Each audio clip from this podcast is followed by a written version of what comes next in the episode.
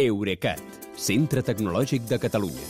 Innovant amb les empreses. Innovant amb tu. Albert Cuesta, bona nit. Bona nit, Kilian. Resulta que una filtració de dades internes de Tesla deixa al descobert milers de reclamacions de conductors per incidències amb el pilot automàtic dels cotxes, no?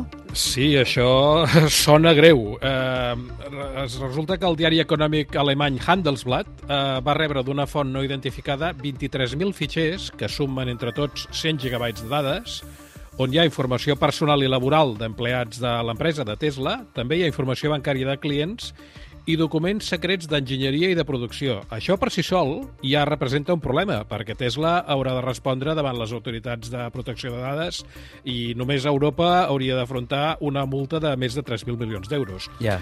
Però és que a sobre, entre aquests fitxers, hi ha els expedients de més de 4.000 reclamacions de conductors de Tesla per errors de seguretat del sistema full self-driving de conducció semiautònoma, diguéssim, del pilot automàtic.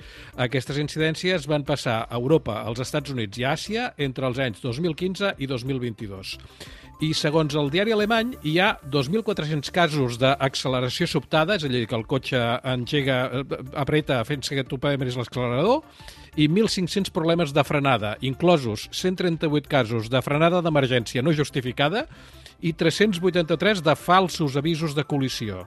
Alguns dels conductors van aconseguir recuperar el control del cotxe, però d'altres van sortir de la calçada, es van estavellar contra un mur o fins i tot contra altres cotxes. Doncs greu la filtració i greu el que indica, eh? Per Mhm. cert, a la filtració també s'hi veu una manca absoluta, això també molt clarament, de transparència per part de Tesla. Uh, sí, en els expedients aquests que dèiem uh, s'hi queden reflectides les instruccions de l'empresa als empleats que estan encarregats de gestionar les incidències i en concret els indiquen que només poden tractar amb els afectats per la, pel problema de manera verbal. Uh, els prohibeixen específicament que ho facin per correu electrònic, per missatge de text ni de veu. O sigui que no deixin cap rastre per escrit. No fos cas que algun client els portés als tribunals i fes servir les converses com a prova. Eh, Per cert, que el pilot automàtic aquí, que ja ens ha aparegut, no és l'única funció dels Tesla que semblaria que té problemes, eh? Uh, no, n'hi ha més, n'hi ha més. Aquests dies circula un vídeo d'un conductor de Tesla, que per cert això dels vídeos de conductors de Tesla també és un gènere cinematogràfic propi, també. Sí. Doncs amb aquest vídeo que deia es veu que les escombretes aixugaparabrises automàtiques del cotxe s'engeguen encara que no estigui plovent. Uh, això no és tan perillós com allò altre que dèiem, però sí que és molest, i el mateix Elon Musk ha, regut, ha reconegut en un tuit que és un defecte de la xarxa neuronal que activa algunes funcions del cotxe segons les imatges que rep de les càmeres embarcades i s'ha compromès a resoldre-ho aviat. Tot i aquestes incidències tècniques, algunes greus, altres molestes només, Tesla té motius per estar satisfet, en canvi. Uh, sí, el, el, el primer motiu és que acaba d'assolir una fita històrica, perquè un dels seus vehicles, el model Y, va ser el cotxe més venut del món durant el trimestre passat. I fixa't que no dic cotxe elèctric, sinó només dic cotxe, perquè el model Y va ser el cotxe més venut d'Europa, el quart a la Xina i el desè als Estats Units.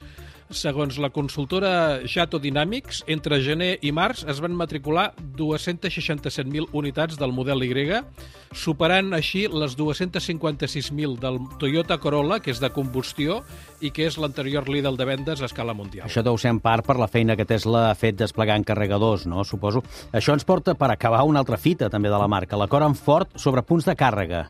Sí, aquesta és la segona de les que dèiem. Uh, això de Tesla eh, és una evidència que va per davant amb infraestructura prop, eh, pròpia de càrrega. I això ho veuen fins i tot els seus rivals. I aquest és el cas de Ford, que ha acordat amb Tesla que els seus cotxes elèctrics i híbrids endollables puguin fer servir els supercarregadors de Tesla, inicialment els més de 12.000 que hi ha als Estats Units i al Canadà. Ara com ara, amb aquests conductors de cotxes Ford, els caldrà fer servir un adaptador, però és que a partir del 2025, eh, i aquesta sí que és grossa, els cotxes Ford ja sortiran equipats de sèrie amb el, amb el connector de càrrega de Tesla, que es- d'aquesta manera es transforma en un estàndard. D'això se'n diu marcar la pauta, eh? Aviam si ho també ho fan en, en matèria de seguretat. Sobretot pels que condueixen un cotxe d'aquesta marca. Cert. Sí. Gràcies, Albert, que vagi bé. Bona nit, Kilian. Fins ara. Eurecat, centre tecnològic de Catalunya. Innovant amb les empreses. Innovant amb tu.